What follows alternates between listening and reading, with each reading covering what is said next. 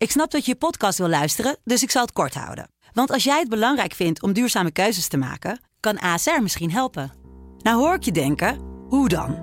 Nou, bijvoorbeeld bij het duurzaam herstellen van schade. Of de premies die we beleggen volgens ons duurzaam beleggingsbeleid. Dat bepaalt waar we wel en juist niet in investeren. Wil je meer weten over welke duurzame keuzes ASR maakt? Ga dan naar asr.nl slash duurzame keuzes. ASR doet het. Zo, dan kan je nu lekker naar je podcast luisteren.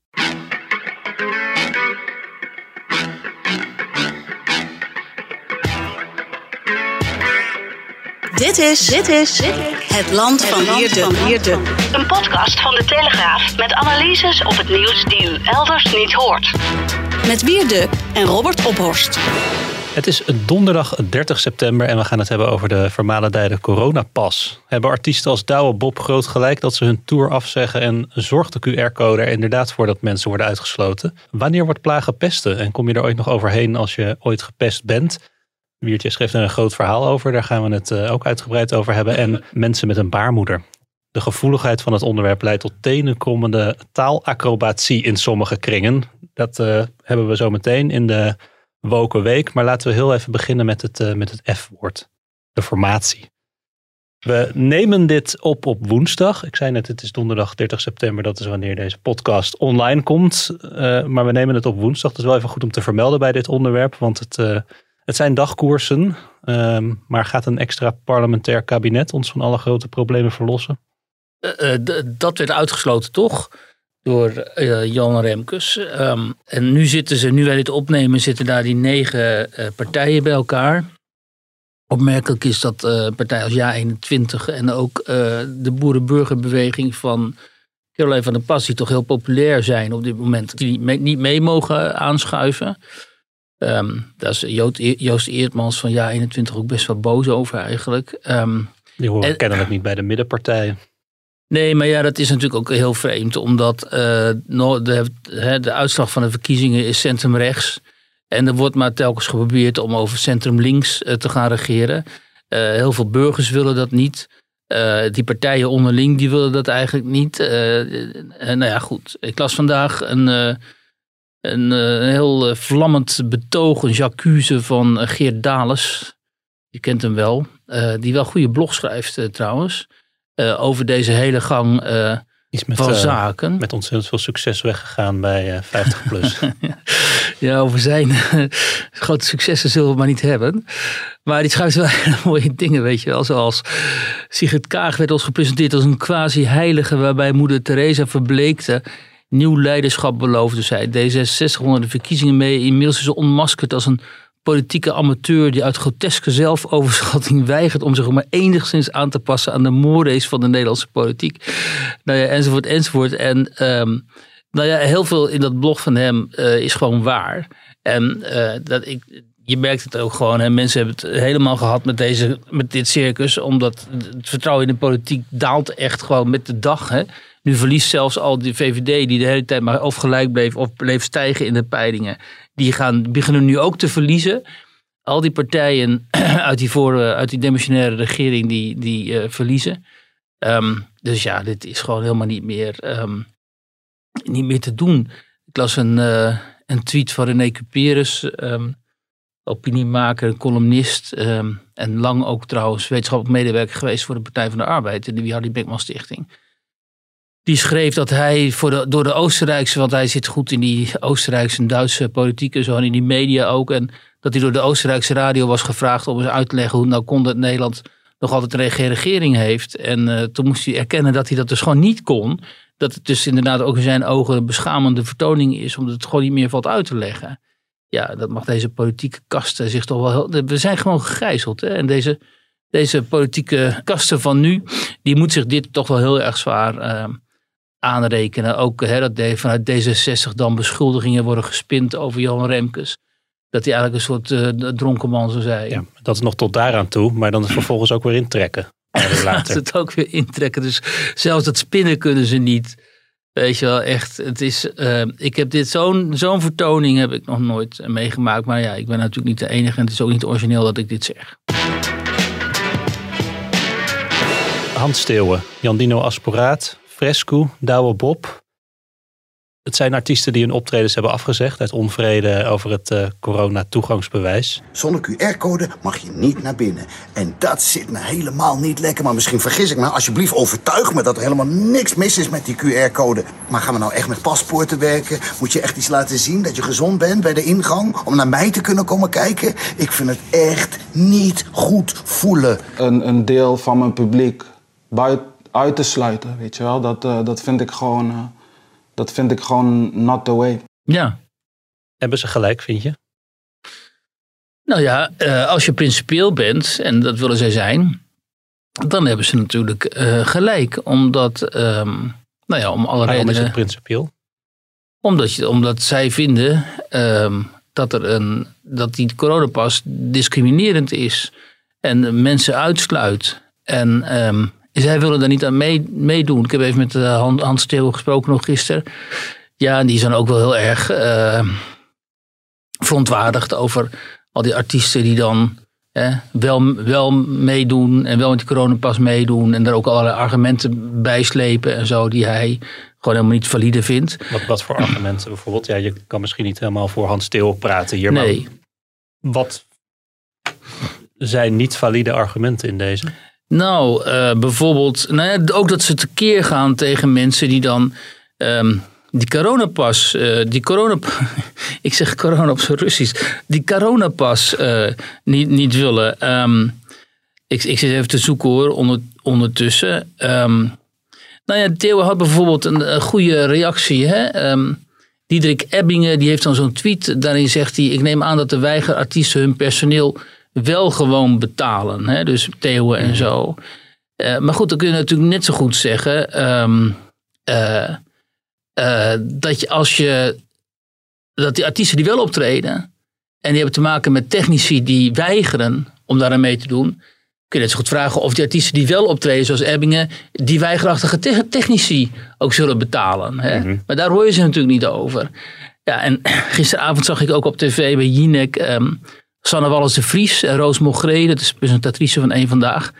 Enorm tekeer ging ook echt tegen Reisa Blommestein. Hè, dat is een rechtsfilosoof uit, uh, uit Leiden. Die, die heeft zich op principiële redenen, gewoon ook rechtsfilosofische denk ik redenen, gekeerd tegen die coronapas. En dan, dan en Reisa die had kennelijk um, vooraf, vooraf aan de uitzending de, de hand geschud. Althans wilde de hand schudden van deze dames. Maar die in hun paniek hebben ze dat kennelijk geweigerd. En toen zei Roos Mogré, je kunt er terugkijken op Twitter, die zegt dan in de uitzending tegen Reis van nou, toch wel heel ernstig dat jij mij de hand wilde schudden, want daarmee dring je toch ook wel hè, jouw visie op uh, aan mij. Mm-hmm. En dan heel veel verontwaardigd te kijken en zo. En Reis is ook, ik nou sorry hoor, de volgende, keer, volgende keer doen we dat toch niet. En zo. En denk, je bent gewoon echt, dit kan toch niet. En dan Sanne Wallis de Vries die dan ook tekeer ging en zo. En helaas had Reis Blommestein niet de tegenwoordigheid vergeest om dan tegen Sanne Wallis de Vries te zeggen. En Sanne Wallis de Vries die vroeg, en waar was jij vorig jaar toen hè, bij Um, niet meer konden spelen en zo. En dan had Reizer Blomstein natuurlijk kunnen zeggen... en waar was jij toen jullie allemaal net deden... alsof je vluchtelingen ging opnemen... maar de enige die dat deed was Annabel Nanninga. Hè? Dus om hypocrisie, iedereen is hypocriet, weet je wel. Ja. Um, maar nou, wat je dan natuurlijk vaak hoort als tegenargument... van ja, we willen geen mensen uitsluiten en discrimineren... dat hoeft ook niet. Mensen kunnen zich laten testen. Ja, tuurlijk. En, maar goed, er, zijn gewoon, er is gewoon een deel van de bevolking dat uh, vindt dat dit allemaal een poppenkast is. Dat niet mee wil doen aan de, aan de vaccinaties. En dat dus ook het testen dan principieel afwijst. Omdat ze vinden, ja, ze worden gedwongen om dingen te doen uh, die indruisen tegen hun uh, rechten. Zeker hè, als je moet laten vaccineren, zou moeten laten vaccineren. Die indruisen tegen de, uh, tegen de integriteit van het menselijk lichaam. Daar komt het op neer. Hè. En, en, nou ja, en er valt gewoon, kijk, wat, wat, los van al deze artiesten wel of niet en zo, um, discussie, is het gewoon van belang, vind ik, dat hierover een fundamentele discussie, ook, ook rechtsfilosofisch in die zin dat he, ook gewoon met standpunten en onderbouwde argumenten overgevoerd had moeten worden op, op, op de televisie of, of anderszins, waardoor uh, mensen ook op een uh, gefundeerde manier hun uh, standpunt zouden kunnen innemen. Nou, dat is natuurlijk, natuurlijk weer niet gedaan. Daar zijn we eigenlijk te laat mee met die discussie nu. Ja, die, die discussie is wel gevoerd in Frankrijk. Uh, maar ja, goed, daar heb je sowieso meer filosofen dan in Nederland. Dus dat, er wordt ook sowieso veel beter gediscussieerd. Maar in Nederland moeten we het dus doen met Hugo de Jonge... die ons in kleutertaal als basisschoolleraar toespreekt. En uh, doet alsof wij allemaal kinderen zijn... die gewoon netjes het vaccin moeten nemen en verder niet moeten zeuren. Of met Mona Keizer die pas nadat ze ontslagen is en weggaat uit de politiek zo'n brief kan publiceren. Ja, hoewel we van Mona natuurlijk al wisten, al langer wisten dat ze ontevreden was. Maar goed, het was allemaal off the record. Maar um, ja, terwijl. Uh, kijk, bij programma's zoals De Andere Wereld, hè, dat is zo'n zo'n internet uh, uh, talkshow of praatprogramma. Ja, daar schuiven heel vaak mensen aan die gewoon een uur lang dan over dit soort uh, dingen kunnen praten. En uh, gewoon hoogleraren, academici, mensen die ervoor gestudeerd hebben en zo.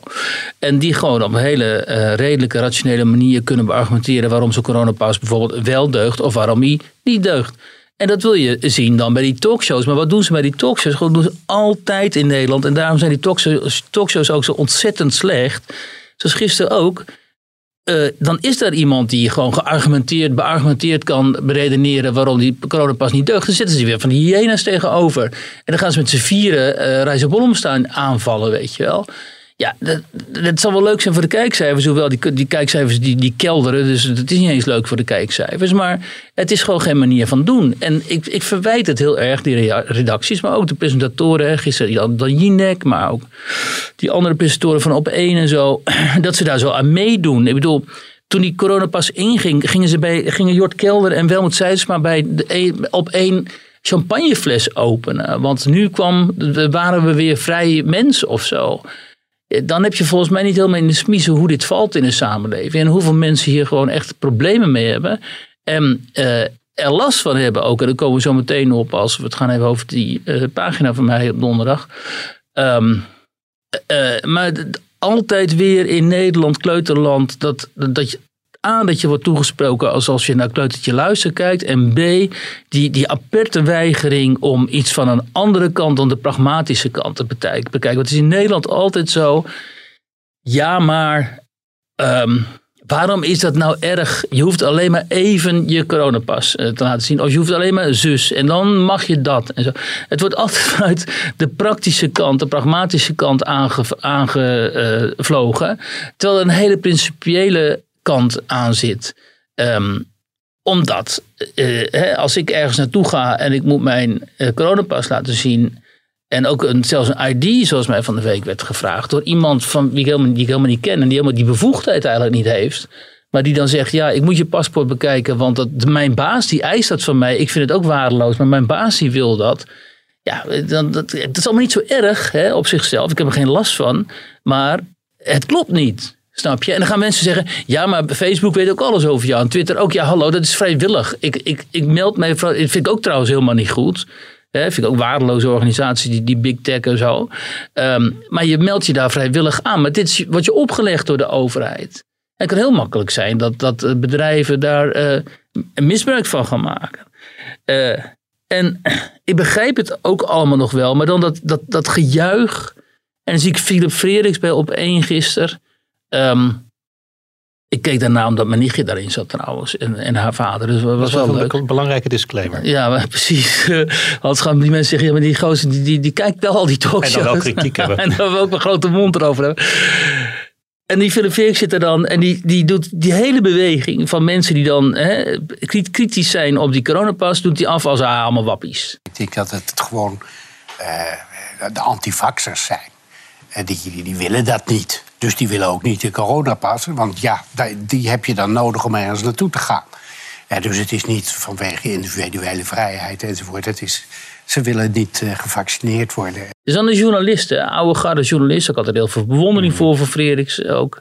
Toen ik begon. Dan denk ik, dat, dat, zo moet je er niet in staan. Nee, dat was natuurlijk ook deels de kritiek van Mona Keizer. Van, ja, ik, wil, wil niet dat iedereen die daar iets op aan te merken heeft, wordt weggezet als wappies. Dat zijn ook hele gewone mensen. Mona heeft een groot gelijk. Haar hele, ik weet niet of je die tekst gelezen hebt, die ze heeft, die, die, waar ze mee naar buiten kwam, die verklaring. Zat in alles gewoon gelijk.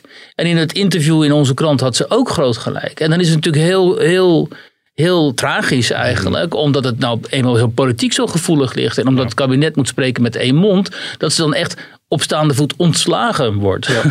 Journalistiek gezien was het een fantastisch interview. Eh, Ja. Ik vond wel dat zij over hoe het dan moest, hè, dat, dat zei ze van het moet anders. Daar had ze dan ook niet echt een antwoord op hoe dan wel. En dat is natuurlijk ook wel Nou ja, weet je wat ik denk? Eh, de vaccinatiegraad is op dit moment 85% geloof ik. Hè? Mhm. Echt heel hoog. Eh, je komt niet, niet meer op de IC of, of zelfs waarschijnlijk niet in het ziekenhuis als je gevaccineerd bent. Ik, ik ben altijd heel eh, voorzichtig geweest eh, met corona. Dat weten mensen ook wel die deze podcast hebben geluisterd. Maar volgens mij is het gewoon voorbij. En eh, met zo'n vaccinatiegraad kan het ook bijna niet anders. Dus ehm, dat er nu zo'n ingrijpende maatregel. Hey, je, je ziet toch ook in allerlei landen, het wordt gewoon losgelaten nu. En wij gaan zo'n ingrijpende maatregel, een, zeg maar een principieel ingrijpende maatregel als die coronapas eh ja, doorvoeren. Wat bovendien aantoonbaar niet hè, tot veel hogere nog vaccinatiegraad leidt. Dat is, dat is ook, ook gebleken. Het is bovendien, het is niet een principieel politieke beslissing, maar het komt uit de koker van KPMG. Hè. Ehm, en het leidt wel tot heel veel verdeeldheid en woede bij mensen. Dus ik, de- in die zin is het volgens mij gewoon heel erg onverstandig geweest. En hadden ze beter kunnen zeggen, joh, eh, limiteer nog een beetje hoeveel mensen je binnen in je bedrijf eh, kunt hebben. Aan die tafels en zo in de horeca. En houd nog een beetje afstand. En voor de rest eh, hè, moet iedereen zijn eigen verantwoordelijkheid eh, nemen. In Nederland. Laten we het hebben over jou in Nederland. Want dat gaat, Nou, die gaat hierover. dat gaat eigenlijk door op het, op het onderwerp. Ehm, worden er nou mensen uitgesloten door dit systeem?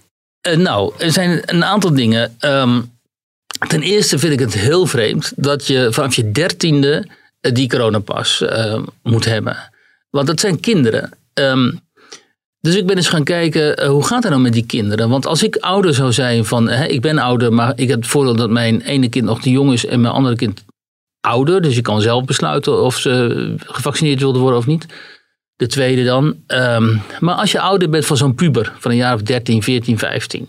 Waarvan van, van wie je weet, ja, die kunnen eigenlijk nog helemaal niks besluiten. Die hersenen zijn, hè, die zitten bovendien onder de hormonen, die kunnen nog helemaal Sowieso niet. vreselijk. Ja, dus zo in al, elk besluit is voor die kinderen gewoon een enorme opgave. En waarschijnlijk is elke beslissing ook nog fout ook. Ehm, door die leeftijdsgrens op 13 te leggen, geef je enorme verantwoordelijkheid aan die ouders en aan die kinderen. Omdat eh, de ouders gaan nu denken, ja shit, wat moet ik nou met dat kind? Hè? Want ehm, ja, de meeste van die kinderen die zijn inmiddels wel gevaccineerd, hoor ik dan. Hè? Want ik ben dus met die ouders en die kinderen gaan praten. En wat krijg je dan te horen? Ik zat vanuit hun mond eh, vertellen. eh, dat ze in klassen zitten eh, op school waar de meeste kinderen al gevaccineerd zijn. Wat ik helemaal niet wist. Dat verbaasde mij ook. En dat er dus druk ontstaat op zo'n kind als die niet wil. Of als die ouders hebben die zeggen, ja wij willen niet dat jij je laat vaccineren. Dat er heel veel druk ontstaat op zo'n, op zo'n kind. En dat, dat, hè, dat schrijf ik ook op in dat stuk wat dan morgen in de krant, of vandaag in de krant staat op donderdag. Ehm, dat die kinderen in de war raken. Die hebben zoiets van, ja, wat moet ik nou? Want ik vertrouw zelf het vaccin nog niet. Hè, om, nou, daar kunnen ze reden voor hebben. Mijn ouders zijn eh, sceptisch. Dat soort situaties heb je. Dan zeggen ze, ja, maar ouders zijn ook sceptisch over het vaccin. Maar omdat ze hun werk niet willen verliezen, hebben ze zich toch maar laten vaccineren. Maar tegen mij hebben ze gezegd, of wacht nog maar even. Of ja, maak het je eigen keuze. Maar hoe kun je nou een kind van 14, 15 zo'n ingrijpend besluit als zo'n vaccin, eh, vaccinatie tot een eigen keuze laten maken? Dus, ehm, maar het gevolg is dus dat die kinderen die niet gevaccineerd zijn, ja, die worden uitgesloten. Want eh, die kunnen dan niet mee, mee naar de kroeg. Ze kunnen niet mee op eh, uitjes van, van school. Eén meisje zei, heel grappig trouwens, die zei van... ehm, eh, ik, kan, hè, ik zit in een klas met allemaal kinderen, dat kan wel. Maar als ik met een paar vriendinnen naar de, naar de Mac wil, zo noemen ze dat, de Mac. Dan, eh, en ik wil naar de wc, dan mag ik er niet in. Dus ik moet vervolgens een luier om als ik naar het café ga. Weet je? Nou ja, dat is toch wel een beetje de situatie. En dan is er nog een Maar groep. wacht, hoe zat dat dan? Want je, je, Zeg maar, komt, je- komt of de Mac binnen. Nee, op het terras. Je zit Oh, er op het terras van de McDonald's, dat mag wel. Hè? En, Ja, eh, maar als je dan naar binnen wil, Ja, dan moet je die ja. QR-code laten zien. Ik, ik, En, eh, en dan is er nog een groep, en die heb ik ook behandeld, van ehm, hele schrijnende gevallen. Dat zijn dus kinderen met een meervoudige beperking. Dus Nou, ik zag dat ook zo'n tweet voorbij komen. En dan weet je natuurlijk nooit of het echt is. Maar daar ga ik maar vanuit. Van een Ja. meervoudig gehandicapt meisje. Wat al anderhalf jaar binnen eh, zo'n beetje in bed lag. En eh, ja. niet gevaccineerd kan worden. Want nou, hoe dat precies zit, weet ik niet precies. Maar dat, dat, is, dat, dat, dat was ingewikkeld of kon niet. Ehm, ja, en dat meisje is gewoon al, dat hele leven staat stil. Ja, ik was gisteren bij een familie in uh, Zeewolde. Eh, dat is dus dinsdag. Ehm, en die verzorgen een zoon van 22 en die is zwaar, maar ook echt heel zwaar, uh, geestelijk en fysiek gehandicapt. als je naar de hersenscans ziet, kijkt, daar zijn bijna geen hersenen. Dus dat is alleen hersenstam en daar zit verder Mhm. niks. Leeg hoofd bijna. En die jongen is ook fysiek heel erg. Alles intern is gewoon kapot. Ehm, en, dat, dat, hè, en dus dat is een heel schijnend geval. En ehm, het, die, wat, wat, wat ze dan wel deden met hun zoon, is af en toe gewoon naar buiten. eh, de stad in, eh, even naar een terras, even ergens iets gaan eten, friet eten. Ehm, en ook zwemmen. Hij kan vreemd genoeg, dan, dankzij de steun van een eh, zwemleraar, die dan speciaal daarvoor wordt ingehuurd, kan die jongen dus op zijn rug zwemmen. Ik, eh, Ze hebben ook video's laten zien en zo. En dan zien die jongen ook gewoon zwemmen. En dat vindt hij fantastisch. Nou, naar die restaurants en zo, dat kan hij dus al niet meer. Dus dat kunnen ze nu vergeten. En nu zijn ze bang dat hij zometeen ook het zwembad niet meer inkomt eh, zonder coronapas. Die jongen die kan niet worden gevaccineerd, want ten eerste is hij onhandelbaar. Dus als je hem wil gaan testen of zo, dan wordt hij zo bang, dan gaat ja, hij slaan. precies. Dat was volgens mij Ja. bij dat meisje ook. eh, En bovendien, eh, als je hem vaccineert, dan kan het heel zo goed zijn dat hij van de bijwerking komt te overlijden. Omdat ze niet weten wat, zo, met, wat er met zo'n zeg, fysiologie van zo'n jongen gebeurt eh, als hij gevaccineerd wordt. In ieder geval zeggen de kinderartsen, van, ja, moet je niet- dat moet je niet doen. En er zijn, ik heb meer nog van dat soort gevallen in het stuk van mij. Maar dit zijn toch ook gewoon mensen van wie je dan moet op. Dat moet toch te regelen zijn dat dit soort mensen een, een, een vrijstelling krijgen of daar niet onder vallen. Ja, dat mag je eens hopen, ook misschien na dit stuk en zo. En, En zijn waarschijnlijk ook mensen die al in de periode hiervoor binnen zijn gebleven, omdat ze gewoon heel kwetsbaar zijn. Nou Ja, absoluut. Ja. En dat is dus, ehm, daar heb ik zo meteen nog heel schijnend gevallen over. Ehm, deze mensen zeggen dus ook, Hugo de Jong heeft het altijd over de kwetsbaren beschermen. Maar wij zijn de kwetsbaren. En voor ons gebeurt er niks. En misschien gaan ze wel vrijstelling krijgen hoor, op den duur. Dat weet ik niet. Die pas is nog maar net ingevoerd natuurlijk. Maar op dit moment hebben ze die in ieder geval niet. En op dit, dit moment zijn ze eh, in paniek. En mensen, dat ergert mij ook wel trouwens, als ik op Twitter al die corona-ontkenners en zo weer in mijn tijdlijn voorbij zie komen.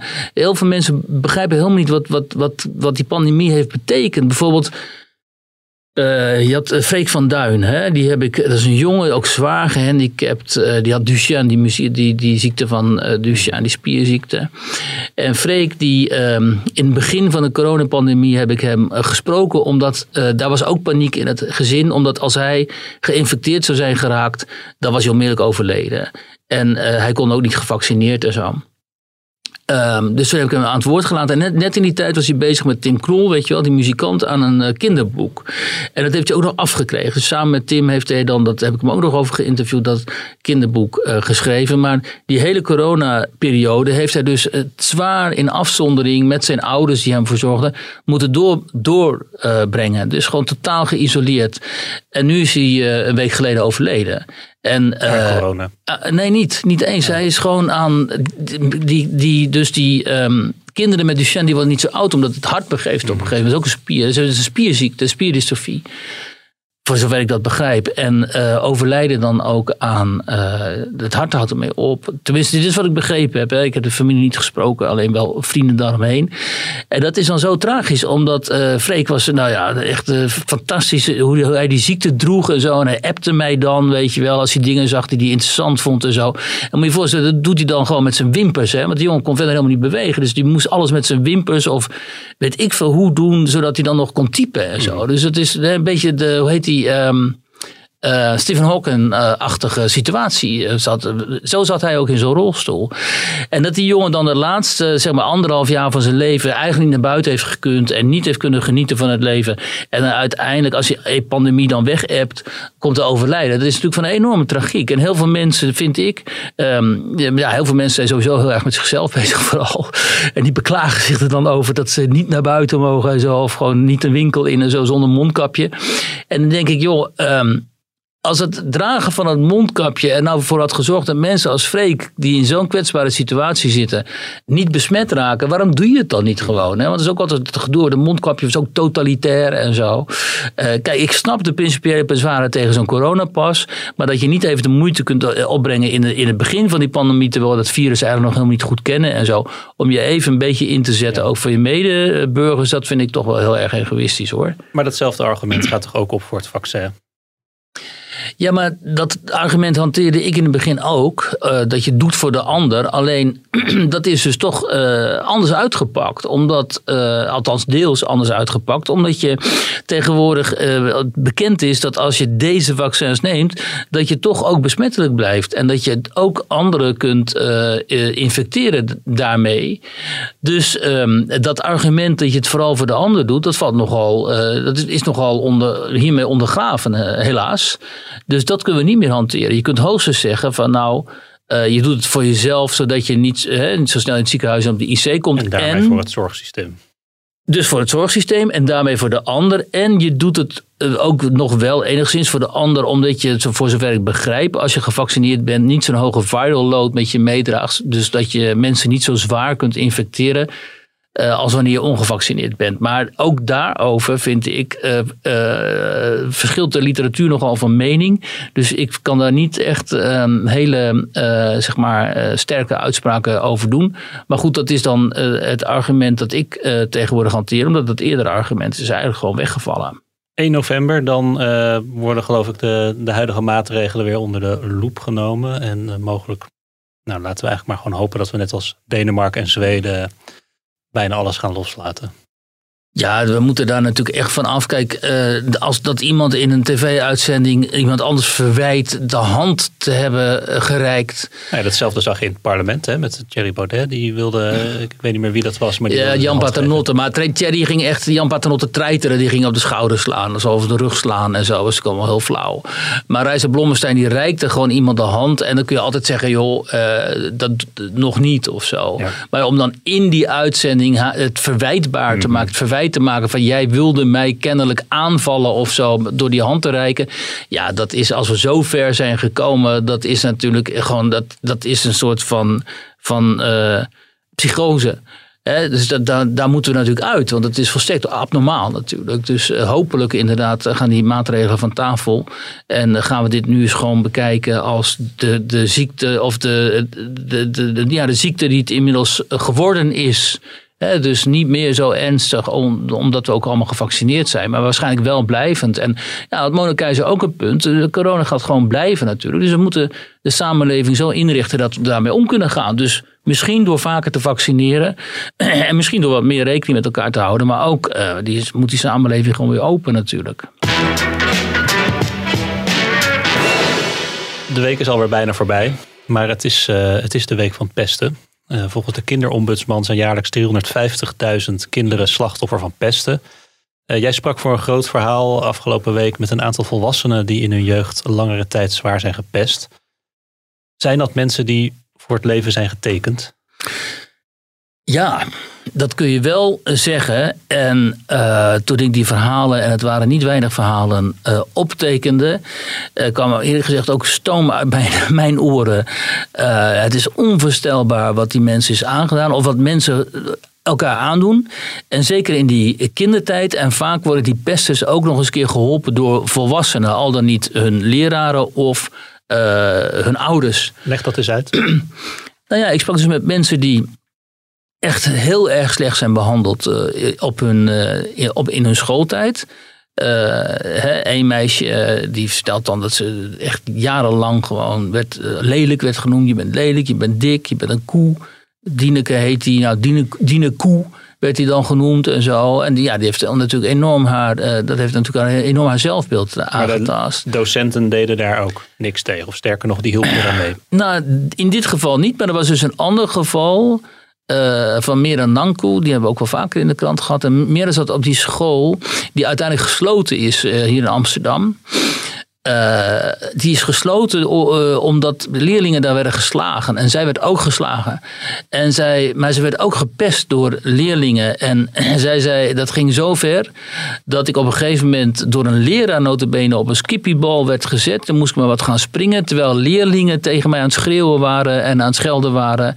Dat ik stonk eh, en dat ik zwart ben. Zij is Hindoestaans en, en, en dat ik vies ben en zo. Dus dat is voor haar ook nog steeds... ja. Toch wel als ze in crisissituaties komt, dan, dan heeft ze daar nog steeds last van. En zo. Maar het ergste was natuurlijk eh, ehm, Alina. Die eh, ook die met haar hele naam in de krant wilde en zo. Dat hele gezin was dus eh, gepest. Die, die woonde in Woerden. En zij zei, ja, het was ook een beetje een raar gezin. Ik zag ook raar uit, eh, rare kleren aan, raar haar. Nou ja, dus een beetje, je kent het wel. Het exotische meisje in de klas. Of niet exotisch, maar gewoon het afwijkende meisje in de klas. En zij werd enorm gepest in de klas. Ook, door de, ook haar broertje werd gepest. Dat ging dan echt zo ver van, nou ja, je moet me dood en zo. En je bent zo vre- vreselijk lelijk en eh, we willen je niet. En... ehm, en haar ouders, die werden weer gepest door de ouders van die pesters. Want die wonen allemaal bij elkaar in de wijk. En op een gegeven moment vertelde ze, was ze dus op een woensdagmiddag thuis met haar broertje en haar moeder. En haar vader was aan het werk. En toen begonnen kinderen uit de wijk gemodderd tegen het raam eh, te gooien. En ze werden zo bang dat ze onder de tafel kropen. En zoiets hadden van, laat maar niet laten zien dat we er zijn. Want anders escaleert het misschien Ze wel. gingen kruipend op handen en voeten. Dus niet alleen zij, haar broertje en zij, maar ook haar moeder Ja, naar de wc. naar de wc, niet gezien te worden door die Ja. kinderen, die buurtkinderen die voor dat raam stonden. Dan ben je dus helemaal gegijzeld door de agressie van het tuig daar op straat. Hè? En wat ook opvallend was, dat zei zij ook, dat eigenlijk nooit iemand van die pesters excuses aanbie- aanbiedt. Dat gebeurt inderdaad volgens mij ook zelden. En nu zat zij er ook niet op te wachten, want zij staat op het standpunt, en dat deel ik, eh, dat dit onvergeeflijk is. Dus natuurlijk ook als mensen volwassen zijn en ze gaan zeggen, ja sorry, ik heb misdragen in mijn jeugd. Als dit met mij was gebeurd, hè, dan had ik ook gezegd van, joh, eh, een beetje laat eh, helaas dat je hiermee komt, maar ik ga jouw excuses niet aannemen, want je bent gewoon een heel slecht mens. En d- daarom vind ik het goed dat die week tegen... Nou ja, ik vind altijd dat het goed is om aandacht te besteden aan het beste, omdat het zo'n ontzettend smerige... ehm, eh, omdat het zoveel indruk maakte op mensen en kan mensen echt kapot maken. En het is zo'n intens gemene eh, eh, manier van omgang met, eh, met mensen die sowieso al zwak zijn. Hè? En zwakkeren die gepakt worden, dat vind ik sowieso iets eh, van het allerlaagste. En eh, dus die week tegen het pesten vind ik eh, prima. En ik vind het ook heel goed als in Nederland eens een keer het standpunt zou worden gehuldigd. Dat daders niet ook slachtoffer zijn. Want oh, dat is het laatste wat ik erover wil zeggen. Want ook over het pesten lees je veel te vaak van die uh, geitenwolle sokkenpsychologen. Die dan zeggen ja, maar die daders hè, die komen ook uit hele moeilijke gezinnen en zo. En die worden thuis weer geslagen en zo. En dan denk ja, dat zal allemaal wel. Maar het zijn daders, weet Ja, je wel. En je moet gewoon afgrenzen. Weg met die lui. Gewoon de school uit, wegwezen. De kinderombudsman wil dat het eh, strafbaar wordt. Ja, heel goed. Daar ben ik ook heel erg voor. Ik heb geen idee hoe. Ik had het ook gepost op Twitter. En ook Hmm. weer allemaal mensen natuurlijk. Ja, die kan helemaal niet. En wat een stom plan. En, enzovoort, enzovoort. Want er zijn altijd in Nederland weer bezwaren te- tegen van alles in te brengen. Ik vind het heel goed als de dreiging bestaat, als pesters weten van hier kom je niet zomaar mee weg. Weet je. Als, je, als iemand aangifte gaat doen, als je het echt een bond hebt gemaakt, dan kan het wel eens echt eh, grote consequenties eh, voor jou en, en voor je ouders eh, hebben. En nu gaan mensen weer zeggen, ja die dukken zijn NSB'er en zo. Nou, in di- niet dus. In dit geval wel. En in dit geval helemaal. In dit geval wel. Nee, maar- nee, weet je, ik, het, ik, ik vind het gewoon te ernstig. En, ehm, Veel scholen hebben een eh, anti-pestprotocol tegenwoordig. Dat is niet verplicht. Ze zijn Nee, wel wettelijk verplicht om eh, beleid te voeren om dit aan te pakken. Eh, maar ja, maar je hoort vaak dat het nauwelijks zegt zo dat eh, functioneert. Hè? Ja, ik moet wel een bekentenis doen. Ik heb zelf, ik, ik heb niet structureel mensen in elkaar geslagen, Nee. opgewacht en achtervolgd. Maar ik heb ook wel dingen gedaan die ik toen zag als plagen. ja. En waarvan ik nu denk van ja, dat is eigenlijk gewoon pesten geweest. ja, maar ik denk. Dus ik wil hier niet een soort heilige gaan uithangen. Nee, maar weet je, ik denk wel. Kijk, de gevallen die ik heb ge- opgetekend, dat is echt wel heel ernstig. Hè? Ja, maar het En- verschuift natuurlijk eh, af en toe van plagen naar erger plagen en naar pesten. En dat zegt die kinder, kinderombudsman ook. Het wordt vaak afgedaan als plagen. En die verhalen die jij hebt opgetekend, dat is overduidelijk. ja. Dat is pestend. Sterker denk- nog, het is gewoon terreur. Ik denk dat inderdaad jonge jongens, die gaan natuurlijk meisjes plagen. Om aandacht, eh, omdat ze niet weten hoe ze anders aandacht moeten krijgen. En zo. Dat zal ik ook wel gedaan hebben, denk ik. Maar ik heb nooit structureel gepest of zo. En, eh, eh, om, nee, en, en, en er is volgens mij toch een bepaald type. Dat, gewoon, dat jarenlang zich daaraan schuldig kan maken of zo. Aan bewust pesten, weet je wel. En ehm, ja, die moet je eruit pikken volgens mij. En dat vind ik goed dat die, die kinderombudsman daarop eh, op wijst. Wie, wie, wie, wie het Woken Week. Is it transphobic to say only women have a cervix? Good morning. Uh, Good morning, Nick, and it's great to talk to you. Good to have you I, on. I- I just think that this issue has just become so divisive and toxic, and it pits people against each other, both groups who face discrimination in society, women and trans women. And I just find this debate incredibly unhelpful and, and, and unproductive, to be totally honest. At this conference, I want to speak about issues that affect people, whatever their And- gender and, and, will whatever those, their I assure you. sexuality. But is it transphobic? Yes or no? Look, is it is it transphobic? Uh, Look, I just I don't even know how to start answering these questions. I, I Well- just don't find them. I just don't find them. The party leader suggests it is. So, what, what do you, as Shadow Chancellor, say? I think that people should be able to identify with the gender that they feel comfortable Respectfully, with. Shadow And Chancellor, that wasn't my question. My question is: It transphobic to say only women have a cervix? it's- I wouldn't. I wouldn't say that. I wouldn't. I wouldn't say that. Ja, hilarisch fragment. Het is heel- Het begon al met dat good morning. De W van wakker, woke. Ja. Maar ehm, ja, eh, ze vindt het heel moeilijk om er antwoord op te geven. Zoveel is wel duidelijk. Nou ja, de vraag is, dit is dus eh, de, in de hiërarchie bij Labour de tweede, eh, de tweede Ja, dus het is niet een of andere plaatselijke politicus. Nee, dit is gewoon een belangrijke Labour-politica. en de vraag is, hebben alleen vrouwen een baarmoeder? Hè? Daar komt het op neer. Ja, en is het, en is het transfobisch, is het transfobisch om dat te zeggen? En dan durft zij dus dat niet te zeggen dat dat natuurlijk niet transfobisch is, omdat alleen vrouwen een baarmoeder hebben immers. Hè? Dus ieder normaal denkend mens eh, weet dat eh, in de biologie zo is dat alleen vrouwen een baarmoeder hebben. En dat het dus niet transfobisch is om dat te zeggen. Ehm, maar zij durft het niet, omdat het politiek zo gevoelig ligt om, om transpersonen moeten we tegenwoordig zeggen, begrijp ik ook, transgender, uh, transgender nou ja, nou whatever. In ieder geval vanuit D66 was er weer zo'n oekase dat we het alleen nog maar over transgender personen of zo mogen hebben. Om die uit te sluiten of te beledigen, omdat de transgenders zijn in die hele cultuuroorlog vanuit woke, zijn dus de frontsoldaten geworden. Hè? En dat is ook niet voor niks, omdat transgenders eigenlijk, als je dus gewoon um, biologie um, uitsluit, biologie bestaat niet meer, relaties tussen man en vrouw worden ingewikkeld, want transgender personen zijn er weer geen mannen, geen vrouwen, maar kunnen. Gewoon transitioneren van man tot vrouw en misschien wel weer omgekeerd en zo, dan ondermijn je daarmee ons denken over, ten eerste ons wetenschappelijk denken over uh, biologie, maar ook het traditionele denken over man-vrouw relaties, het gezin en noem maar op. Hè? Want in transgenders moeten tegenwoordig trans, transmannen, die hebben dan, je ziet steeds meer van die transmannen, het zijn dan vrouwen, maar die hebben, worden dan man en die hebben dan een baardje en die hebben dan, omdat ze vrouw zijn eigenlijk, wel een baarmoeder. Nou, uiteindelijk dan, dan, dan uh, komt er dus een, een kind ter wereld vanuit een mens met een baard. Zo kun je het dan zeggen. En dat is natuurlijk, dat, dat is, staat haaks op alles wat we gewoon als normaal ja, beschouwen. Maar eigenlijk. zelfs, ik bedoel, met inachtneming van alle gevoeligheden kan je toch ook gewoon zeggen, ja, het hoeft niet discriminerend te zijn als je het wel over vrouwen met een baarmoeder hebt. Er zit niet een soort systeem achter om mensen uit te sluiten, te discrimineren. En... Nee, maar dat is het mooie aan dit voorbeeld. Dat, dat kan zij dus niet meer. Dus we zijn, en dat, dat zeg ik hier ook al zo vaak, we zijn dus over al die grenzen al lang heen. Je kunt nu niet meer zonder politieke gevolgen dit zeggen, dit beamen. Hè? Dat kan zij niet, omdat als zodra zij dit zou beamen, zou de, de backlash zo enorm zijn dat ze waarschijnlijk zou moeten opstappen. Dus, um, en dat zie je dus ook, ook bij ons in de media en op de universiteit en elders en zo. Sommige dingen kun je niet meer zeggen omdat je weet dat dat zelfmoord is en dat dan je loopbaan uh, voorbij is. Dat is de, dat toxische hieraan. En ja, dit is natuurlijk een schitterend voorbeeld, omdat je haar ook op zo'n echt zo'n typische Engelse manier enorm hoort hakkelen en zo. En natuurlijk wil ze zeggen dat het niet transfobisch is, maar ze, ze kan het gewoon. Ze, je hoort gewoon de moeite de moeite je zou om. bijna zeggen, ze kan het fysiek niet. Precies, ze kan het bijna fysiek al niet. en ja, dat maakt het is tegelijkertijd zo enorm hilarisch, maar ook zo ontzettend gevaarlijk. Want je moet ze de kost geven, mensen ook hè, in ons land. En ook wel op belangrijke posities en zo. Die dat ook niet meer zouden durven beamen. Weet je wel? Die ook denken, ja, maar als ik dat zeg. Als ik, hè, ik ben bijvoorbeeld van D66. En als ik zeg van het is niet transfoob om te zeggen dat alleen vrouwen een baarmoeder hebben. Dan, zijn, dan kunnen ze opstappen. Dus- en dan hè, er zijn nog mensen die zeggen, joh, die denkterreur waar jij het steeds over hebt.